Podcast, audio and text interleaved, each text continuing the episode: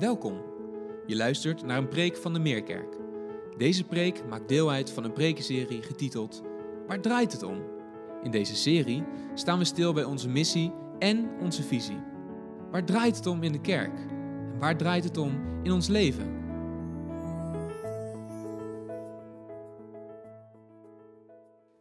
Goedemorgen. Ik kijk in de camera, maar ik kijk ook om me heen. Een prachtig team om samen deze dienst, zo belangrijke dienst over zending, invulling te geven. Dank Henrike voor je gebed, voor het leiden van de dienst en ook je warme woorden aan kerstverse grootouders. Kijk even naar Judith. We zijn ontzettend dankbaar voor onze kleindochter Olivia.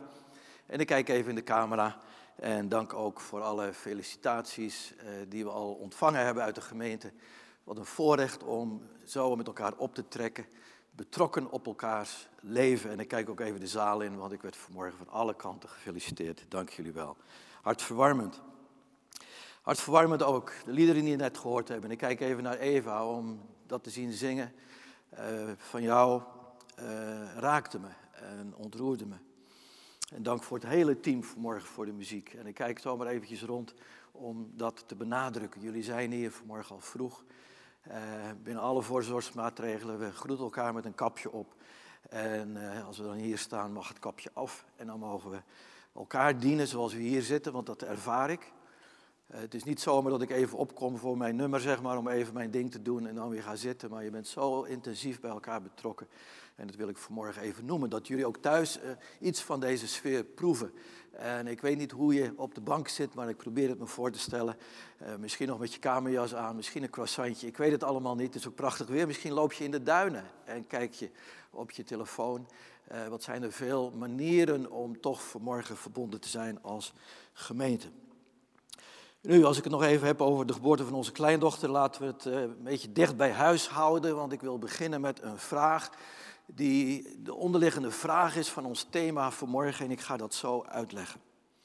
Waar ben jij voor in de wieg gelegd? Waar ben jij voor in de wieg gelegd? Uh, ik weet het, de uitdrukking is, daar ben ik niet voor in de wieg gelegd. Dus we zeggen, het is eigenlijk een soort excuus om dingen niet te doen. Ja, sorry, daar ben ik niet voor in de wieg gelegd. Maar ik wil het vanmorgen in het positieve stellen. Namelijk de vraag, waar ben je wel voor in de wieg gelegd? En dan vanmorgen de vraag voor een christen. Ik zou bijna zeggen, als we vanmorgen de doop aankondigen, dan, dan is dat misschien wel het moment, is ook een wiegmoment.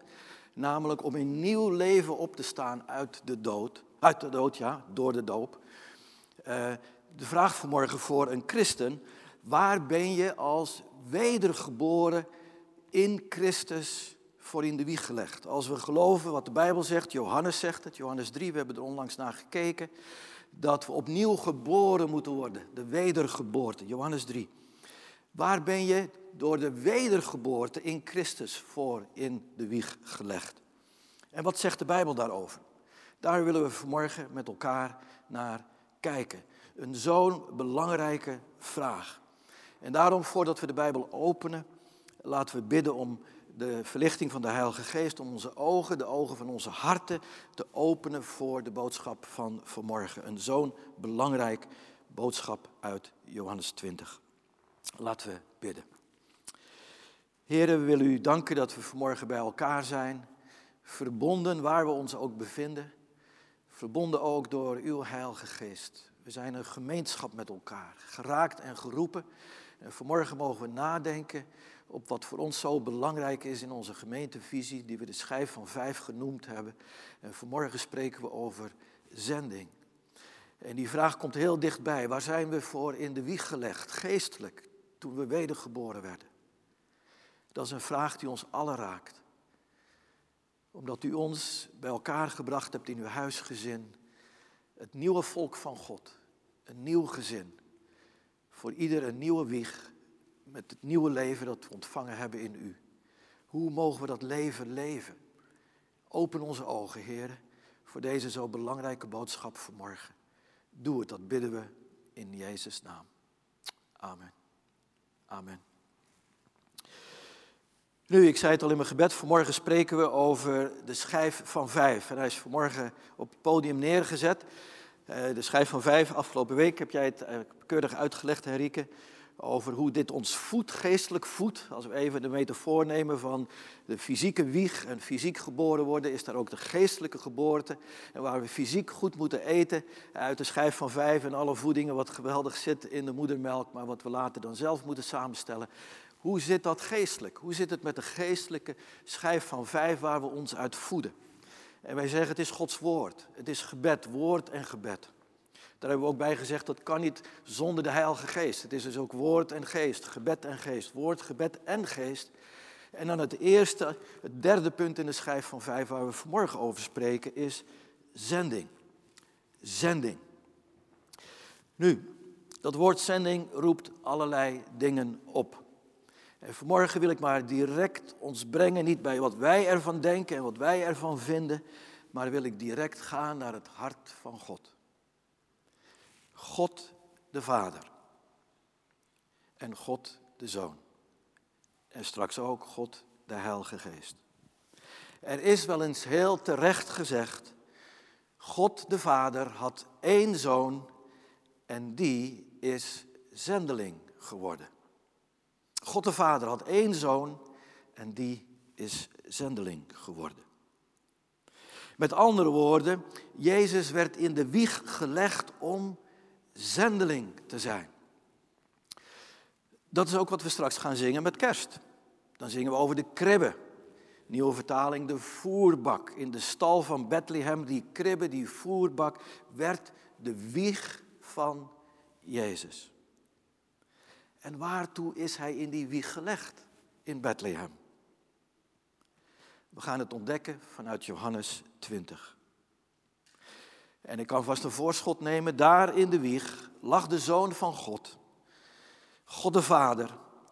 Zijn zoon werd op aarde geboren om zendeling te zijn. En als we ons dat bedenken, en daar staan we denk ik veel te weinig bij stil, wat dat betekend heeft, dat God in Jezus de hemel verliet, geboren werd op een plek waar hij niet warm ontvangen werd, er was niet eens een herberg voor hem. Johannes zegt ook, hij kwam tot het zijne, maar velen hebben hem niet aangenomen. Niemand zat op hem te wachten. Hij had wat dat betreft een slechte start in dit leven, maar dat kon Gods plan niet verhinderen. Want God had hem in de wieg gelegd met een missie, met een zending. En het zendingsverhaal gaat nog veel verder dan alleen vader en zoon, want ook de Heilige Geest, de derde persoon in de drie eenheid, ook de Heilige Geest is, zou je kunnen zeggen, de zending ingegaan. De hele goddelijke drie eenheid ademt zending. Ademt zending. Nu de sleutel om dat enigszins te begrijpen, wat niet te begrijpen is, ligt in de Bijbellezing van vanmorgen uit Johannes. Daar lezen we wat niet te bevatten is en wat we vanmorgen ook niet kunnen vatten. Daarom ook zo bewust gebeden om de Heilige Geest, dat we toch iets mogen begrijpen, niet eens misschien met ons hoofd, maar met ons hart, dat ons hart warmer wordt. En dat moet God Geest in ons doen. Nu uitsluitend, aansluitend op wat al gelezen is, Matthäus 28. Henrike zei het, willen we lezen uit een zendingsopdracht die minstens zo belangrijk is als Matthäus 28, die zo bekend is, maar Johannes 20 is veel minder bekend. En wel de versen 19 tot 23. Johannes 20, vers 19 tot 23. Even de context. Johannes neemt ons mee naar de glorieuze dag van de opstanding, de paasdag, de dag dat Jezus opstond uit de dood. Jezus is die pas morgen al verschenen aan Maria Magdalena. En dan de avond van die morgen, van die paasdag, verschijnt hij ook aan zijn discipelen, zijn leerlingen. En wat er dan gebeurt is fundamenteel als we spreken over zending. En als je deze serie gevolgd hebt, waar draait het om, die we dit seizoen begonnen zijn, dan zegt het eigenlijk ook wel. Het draait om dingen die fundamenteel zijn. De schijf van vijf vind ik ook zo mooi, heeft ook als het ware een draaiing. Hier het middelpunt, een as waar alles om draait. En je zou kunnen zeggen, waar draait in ons leven alles om als het gaat om ons christen zijn?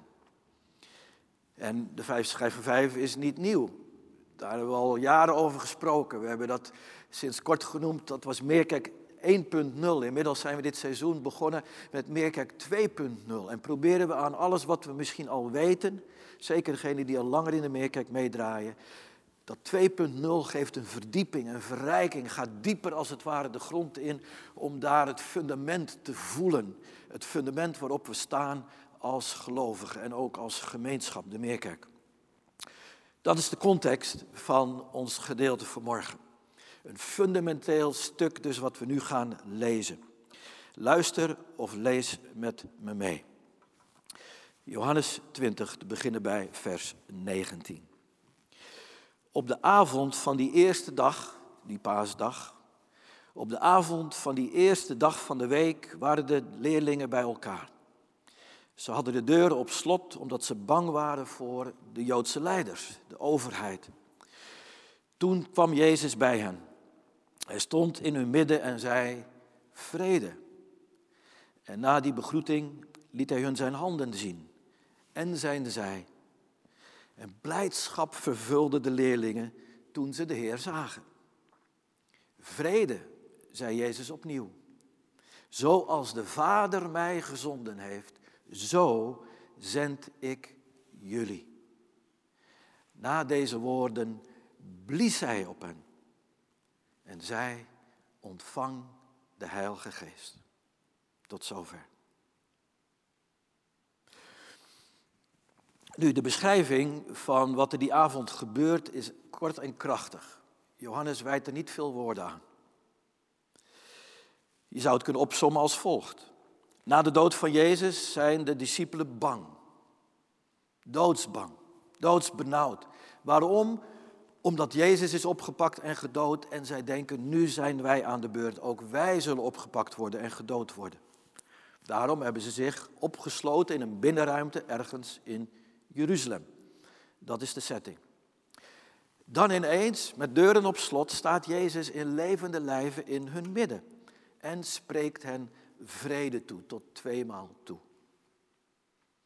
Derde, Jezus laat middels de tekenen in zijn lichaam, handen en zij zien dat hij het werkelijk is. Ze zien dus geen spoken. Hij is het werkelijk. Hij is lijfelijk opgestaan uit de dood. Vierde, blijdschap vervult de harten van de discipelen. Van bang zijn ze ineens blij. Nu, als je het zo opsomt, dan zou je kunnen zeggen: eind goed, al goed, tijd nu voor een feestje. Maar nee. Nee. Het lijkt wel of alles een opmaat is naar wat komen gaat. Ja, wat komen moet.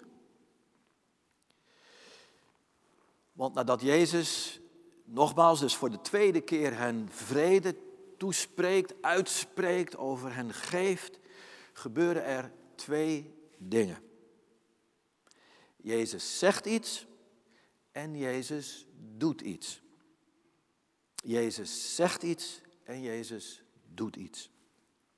En wat hij zegt en doet is niet wat je verwacht als je voor het eerst je doodsbange vrienden opzoekt die in diepe rouw zijn, die doodsbenauwd zijn om het verlies van hun meester. Je zou zeggen, jongens, laten we, ik zei het net al, eventjes op ons in, laten we even wat drinken met elkaar, even, even feest vieren, want ik, ik leef. Nee. Jezus zegt iets en Jezus doet iets. En dat verwacht je niet op dit moment. Dit is wat hij zegt. Zoals de Vader mij gezonden heeft, zo zend ik jullie. Dat is wat hij zegt. En dit is wat hij vervolgens doet. Hij blaast op hen.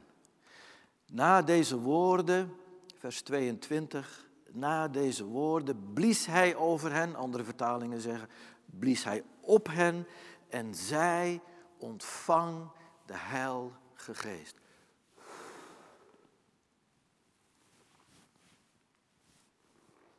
Nu bedenk in deze amper twee Bijbelversen, met nog geen 25 woorden, ligt het fundament van waar we vanmorgen over spreken, namelijk zending.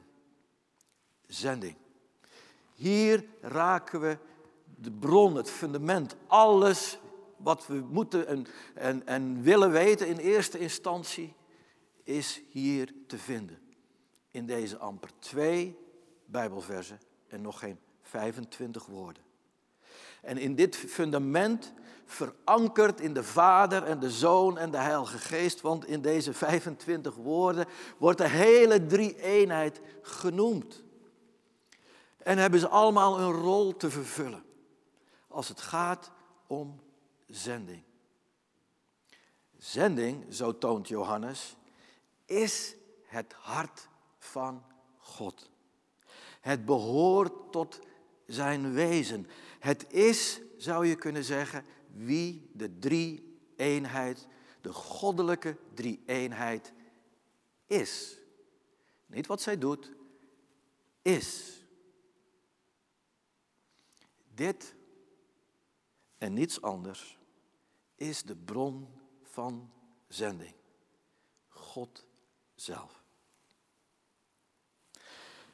Dat betekent dus, en dat moeten we ons realiseren, en ik hoop dat je de gedachtegang met me kunt gaan. Zending begint dus niet bij mij. Zending begint niet bij ons zoals we hier zitten.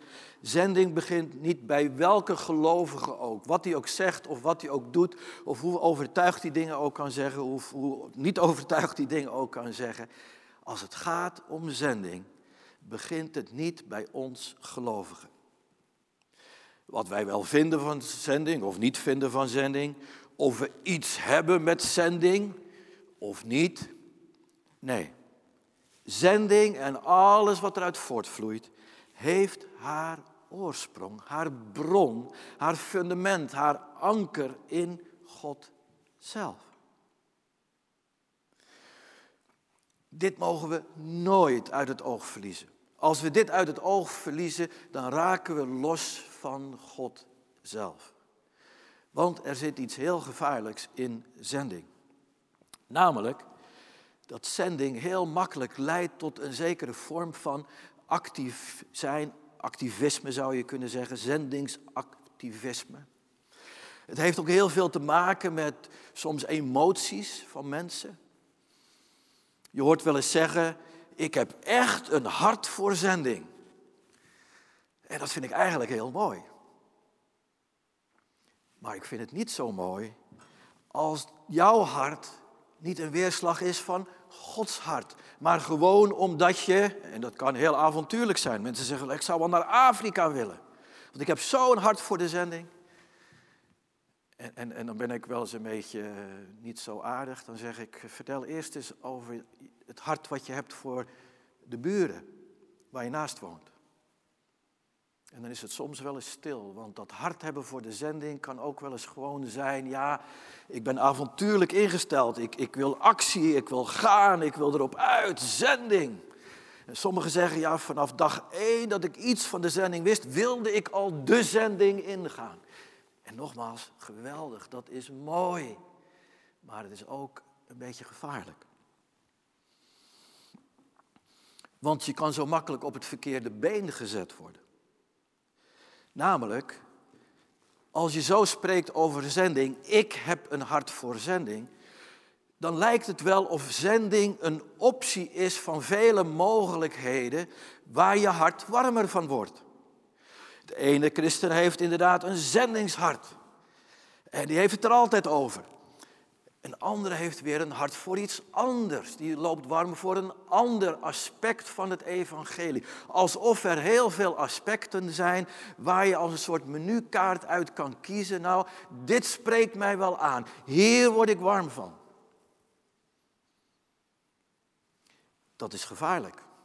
En ik moet het nog een keer toelichten, want dit is natuurlijk heel, heel licht, heel gevoelig, is heel subtiel waar we het over hebben. Maar als ik het zo samenvat, dan zul je het begrijpen.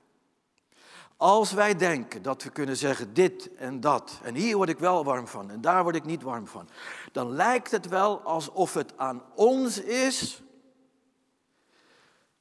dat wij door onze wedergeboorte bepalen waar wij voor in de wieg gelegd zijn. Daarom is ook gevaarlijk die uitdrukking, Ik ben daar niet voor in de wieg gelegd. Begin je hem nu een beetje te begrijpen? Want als de een zegt, ik heb een hart voor zending, en de ander zegt, ja, nou, ik niet hoor, daar ben ik niet voor in de wieg gelegd. Kijk, dan hebben we een hele fundamentele denkfout gemaakt. Want we zijn allemaal in de wieg gelegd voor zending. Want het is niet aan ons waartoe we wedergeboren zijn. Als God ons heeft wedergeboren doen zijn.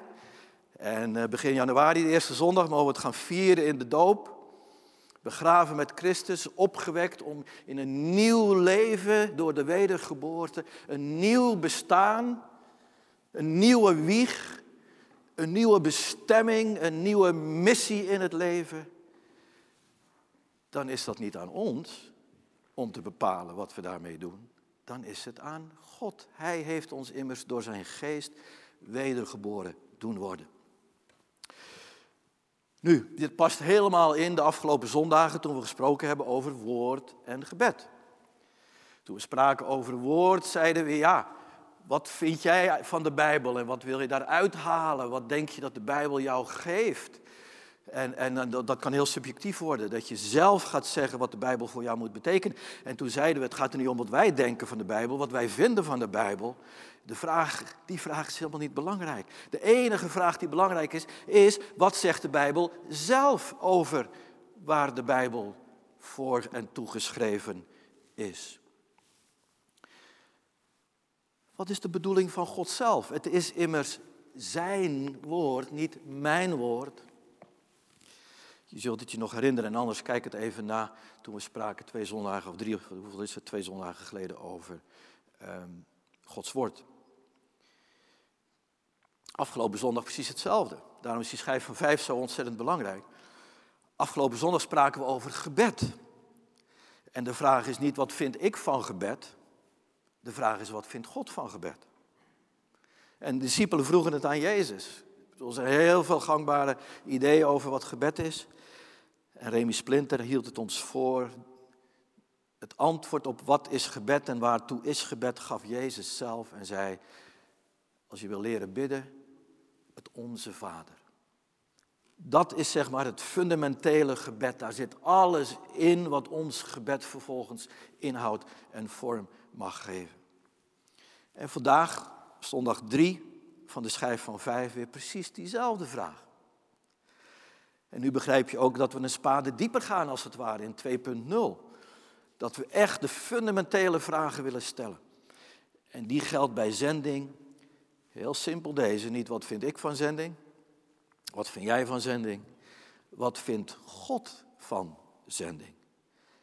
Het is immers zijn zending. En het antwoord op die vraag gaat veel dieper dan je zou verwachten.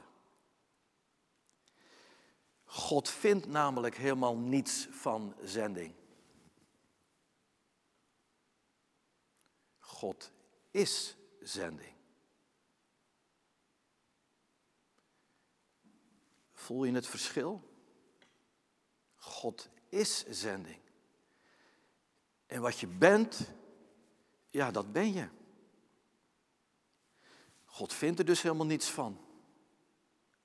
En als hij er al iets van vindt, dan zegt hij, dan wil ik het jullie ook ten volle uit mijn hart, wat een zendingshart is, tonen. Nu, laat dat op je inwerken. God is zending. Het behoort tot zijn wezen. Zending is zijn hart. Ga met me mee. Probeer het je voor te stellen. Hoe dat in de hemel gegaan moet zijn. En ik heb het eigenlijk zo voor mezelf proberen in mijn voorbereiding eh, onder woorden te brengen. En die woorden schieten van alle kanten tekort, laat ik het direct zeggen. Maar om een voorstelling te maken. Het was dus niet zo in de hemel dat op een dag God de Vader Jezus de Zoon bij zich riep en zei: Zoon, het wordt eens tijd dat je gaat nadenken over wat je wil worden in het leven. Nee.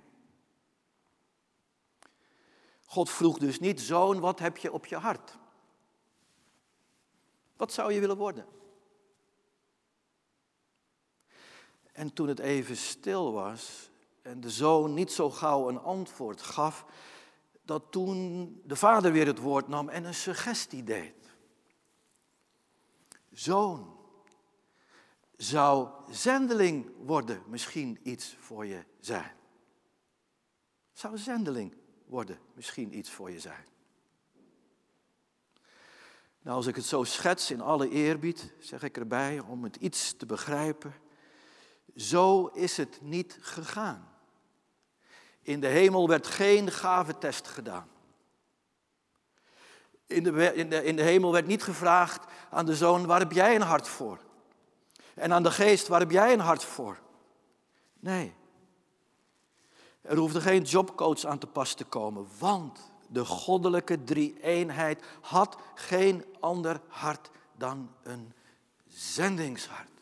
Een zendingshart. Niet te bevatten. Maar laten we nog ietsje verder gaan. We zijn in november en eind deze maand november gaan we de adventstijd in. De tijd van de verwachting van de komst van Jezus, het moment dat Hij op aarde kwam, geboren werd en in die kribbe, in die wieg gelegd werd van de stal van Bethlehem. Voor zover we het ons kunnen voorstellen van hoe de drie-eenheid functioneerde in die opmaat naar kerst, kunnen we ons niet anders bedenken dan dat God in Christus het hartsverlangen had, wat voortkwam uit zijn hart om met kerst de hemel te verlaten, om op aarde geboren te worden. Geen voorstelling van te maken. In de aantekeningen staat bij de preek door de week plus uh, Filippenzen 2 genoemd, waar we een heel klein beetje beeld krijgen van wat er moet gebeurd zijn in de hemel. Toen de zoon gezonden werd naar de aarde. Want dat is precies wat het was. Het verlaten van de hemel was niet anders dan gezonden worden van de hemel naar de aarde. Zoals ook engelen gezonden werden. Engelen zijn ook boodschappers. Ze zijn gezonden en spreken namens de opdrachtgever. Hoe dat in de hemel eraan toe ging, weten we niet. Als er een bijzonder Bijbelwoord is dat ons misschien wel enige blik gunt in de hemel, dan is het Jesaja 6. Ik noemde net Filippenzen 2, maar ik wil ook juist noemen in de opmaat naar kerst een oud-testamentisch gedeelte. En als er één profeet is die spreekt over de opmaat naar kerst, dan is het Jesaja. In Jesaja 6, het is een hoofdstuk wat aangeduid wordt als de roeping van de profeet Jesaja. En daar krijgen we een kijkje in de hemel. Het is het driemaal heilig, heilig, heilig. Het zijn de serafim, de engelen. Ineens werpen we een blik over de schouders heen van Jezaja, wat er gebeurt in de hemel. Maar wij als christenen kunnen dit gedeelte niet anders lezen dan uiteindelijk vervuld in Jezus Christus, die bereid was om gezonden te worden, zoals ook op dat moment Jezaja gezonden werd. Hoor de indrukwekkende woorden die beginnen met de vraag vanuit de drie eenheid. In dat blik wat we in de hemel gegund zijn. Lees het thuis helemaal, maar ik neem vers 8. Dat gedeelte dan zo imposant, wat niet te bevatten is over de hemel, dan ineens klinkt het uit de hemel. Jesaja 6, vers 8b. Wie zal ik zenden? En wie zal voor ons gaan? En ik zei, hier ben ik, zend mij. Hier ben ik, zend mij. Woorden van Jezaja, een heenwijzing naar onze Heer Jezus Christus. Zending is het hart van het ons van de drie eenheid. Wie zal voor ons gaan? Wie zal voor ons uitgezonden worden? Nu, dat woordje ons hebben we al eerder bekeken in de serie. Denk even terug aan Genesis 1, waar we lazen over het ons bij de schepping van de mens. Laat ons mensen maken naar ons beeld en onze gelijkenis. De mens, de kroon op de schepping, beeld van God. En dan lezen we in Genesis 2 als een soort inzoomen hoe dat dan ging. Dan lezen we dat God de mens vormde uit stof, maar hij had nog geen leven in zich. En dan staat er, en God blaast de levensadem in. En alzo, zegt de schrift, werd de mens een levende ziel. En daarmee beelddrager van God. Het was Gods adem die hem maakte tot een levend wezen en daarmee tegelijkertijd een beelddrager van God. Nu gaat met me mee van de schepping naar het evangelie van Johannes. Johannes, hebben we gezien in Johannes 1, begint zijn woord met direct een connectie met Genesis 1. In de beginnen was het woord en het woord was God en het was bij God en het was God. In den beginnen, zegt Johannes. En als je dan gaat lezen, dan zie je steeds meer parallellen met Genesis, het scheppingsverhaal van de mens. De vader spreekt. En de zoon in Johannes 1 openbaart de vader. Niemand heeft ooit God gezien, maar God de zoon die aan de boezem van de vader gelegen heeft, heeft hem ons doen aanschouwen, zagen we. Vader, zoon. En dan ook al in Johannes 1, maar in het bijzonder in Johannes 3 komt de geest.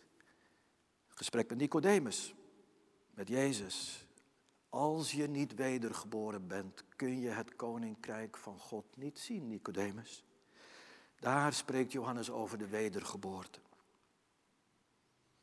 Nu gaan we mee, Johannes 1, Johannes 3, nu naar Johannes 20. In ons Bijbelgedeelte. Nu verhaalt Johannes hoe Jezus precies hetzelfde deed als God in de schepping van de mens. Hij blies zijn lezensadem in de discipelen. Is dat niet wonderlijk mooi?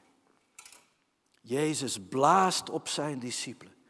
Zoals de Vader mij gezonden heeft, zend ik ook u. Hij blies op hen, ontvang de Heilige Geest. God doet opnieuw een scheppingsdaad. Opnieuw schept hij de mens, doet hem wedergeboren worden legt hem als het ware opnieuw in de wieg. En doet dat vanuit een zendingshart. Want wat mag die mens zijn in die wieg? Waar die beelddrager was van de drie eenheid als mens, zoals alle mensen dat zijn. Geldt voor christenen in het bijzonder dat we een beelddrager worden, gezonden door Jezus om zijn beelddrager te zijn vanaf het moment dat we in de geestelijke wieg wedergeboren worden. Is dat niet Onbegrijpelijk mooi, niet te bevatten.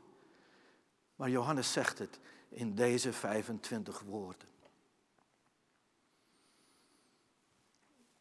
Nu begrijp je misschien ook iets, dat hoe mooi het ook is om te zeggen, ik heb zending op mijn hart.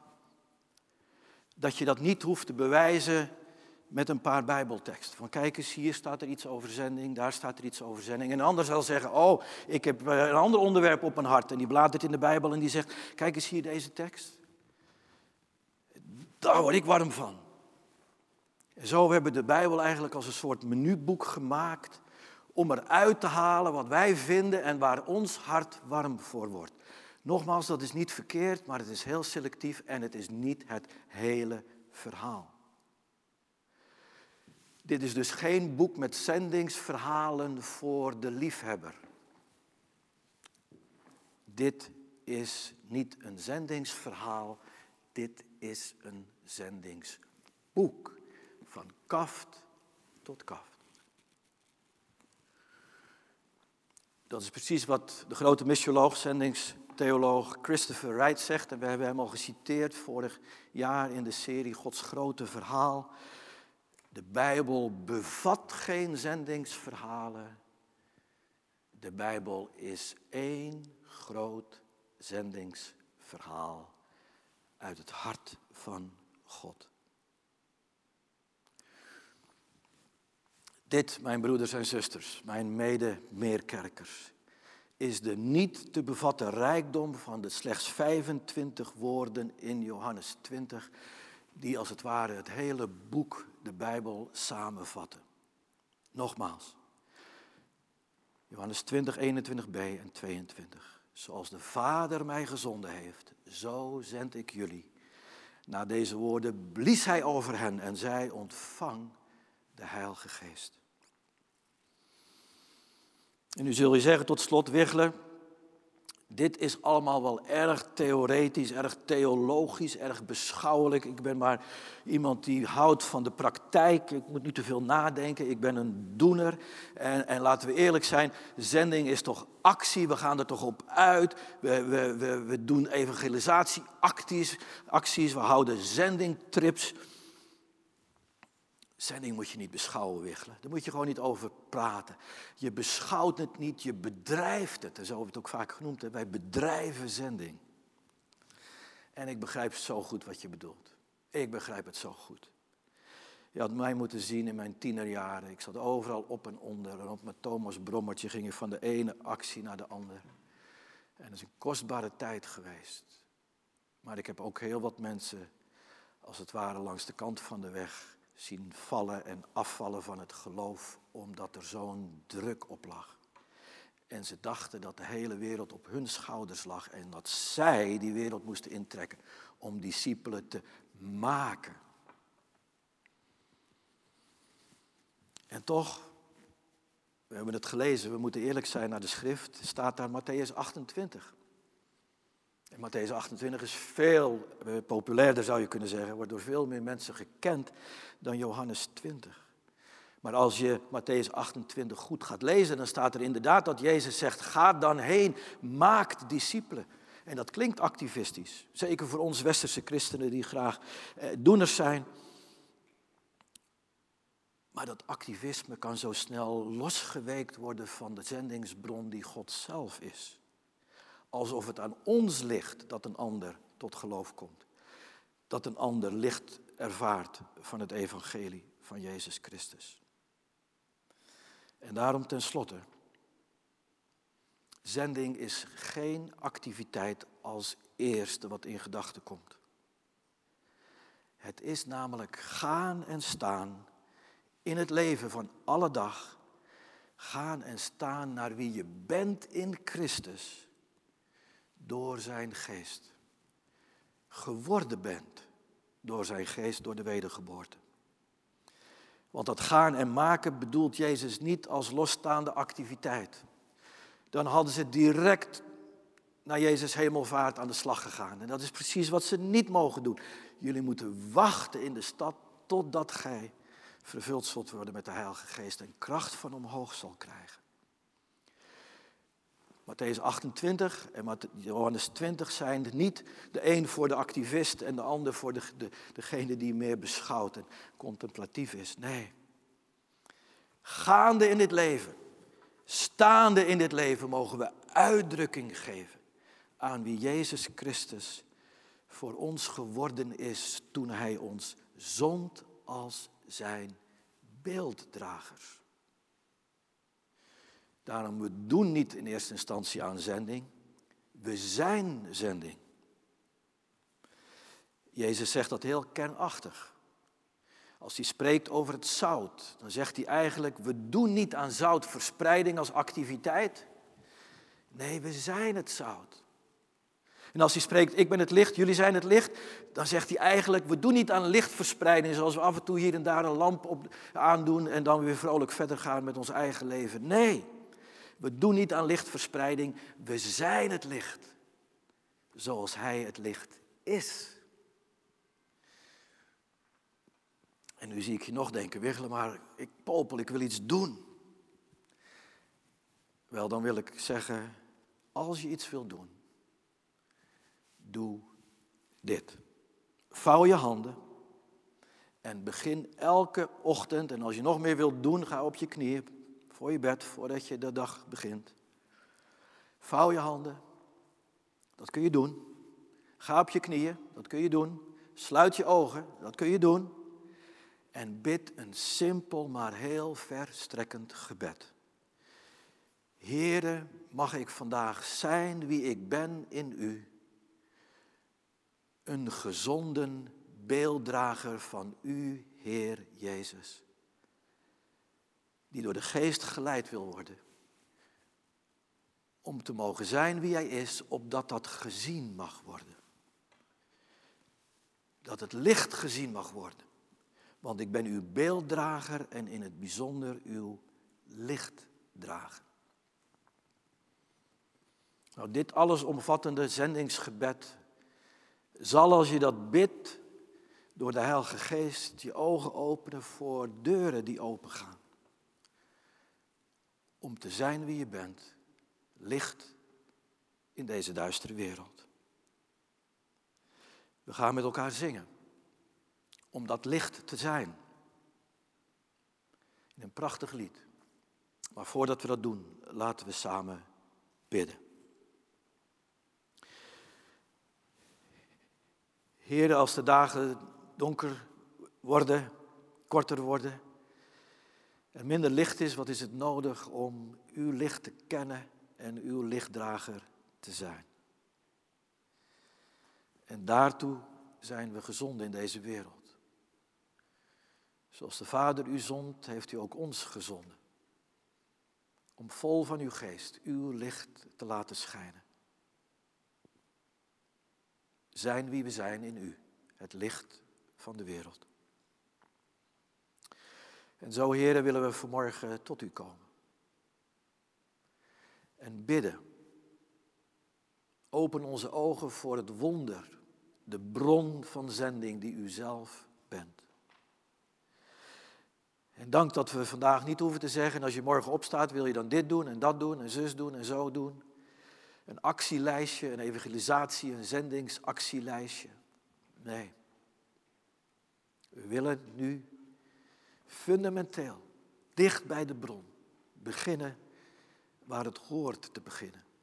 Biddend op onze knieën met onze ogen dicht, zeggend, Heer, dank wie ik geworden ben in u door de wedergeboorte. Een gezonde beelddrager van u.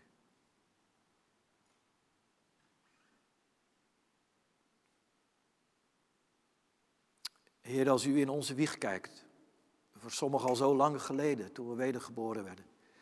Een aantal van onze alfa-cursisten zijn nog maar net wedergeboren. Liggen als een jong christen in de wieg. Mag de Meerkerk de gemeente zijn die niets oplegt aan activiteit, maar alleen het hart laat zien van u, uw zendingshart, wat ons hart warm mag maken, ons aller hart, om beelddrager van u te zijn. Een gezonden beelddrager, een zendeling die het licht is en daarmee ook verspreidt. We willen stil worden en vragen om uw genade in deze momenten dat we uw hart mogen horen kloppen. Het hart wat uw zoon gezonden heeft. En zonder dat hij gezonden zou geweest zijn, zouden wij hier vanmorgen niet zitten. Was er geen kerst om ons voor op te bereiden. Was er niets van dit alles, dan zouden we nog in duisternis leven. Dank voor uw zendingshart. Geef ons uw zendingshart. Dat bidden we in deze momenten van stilgebed.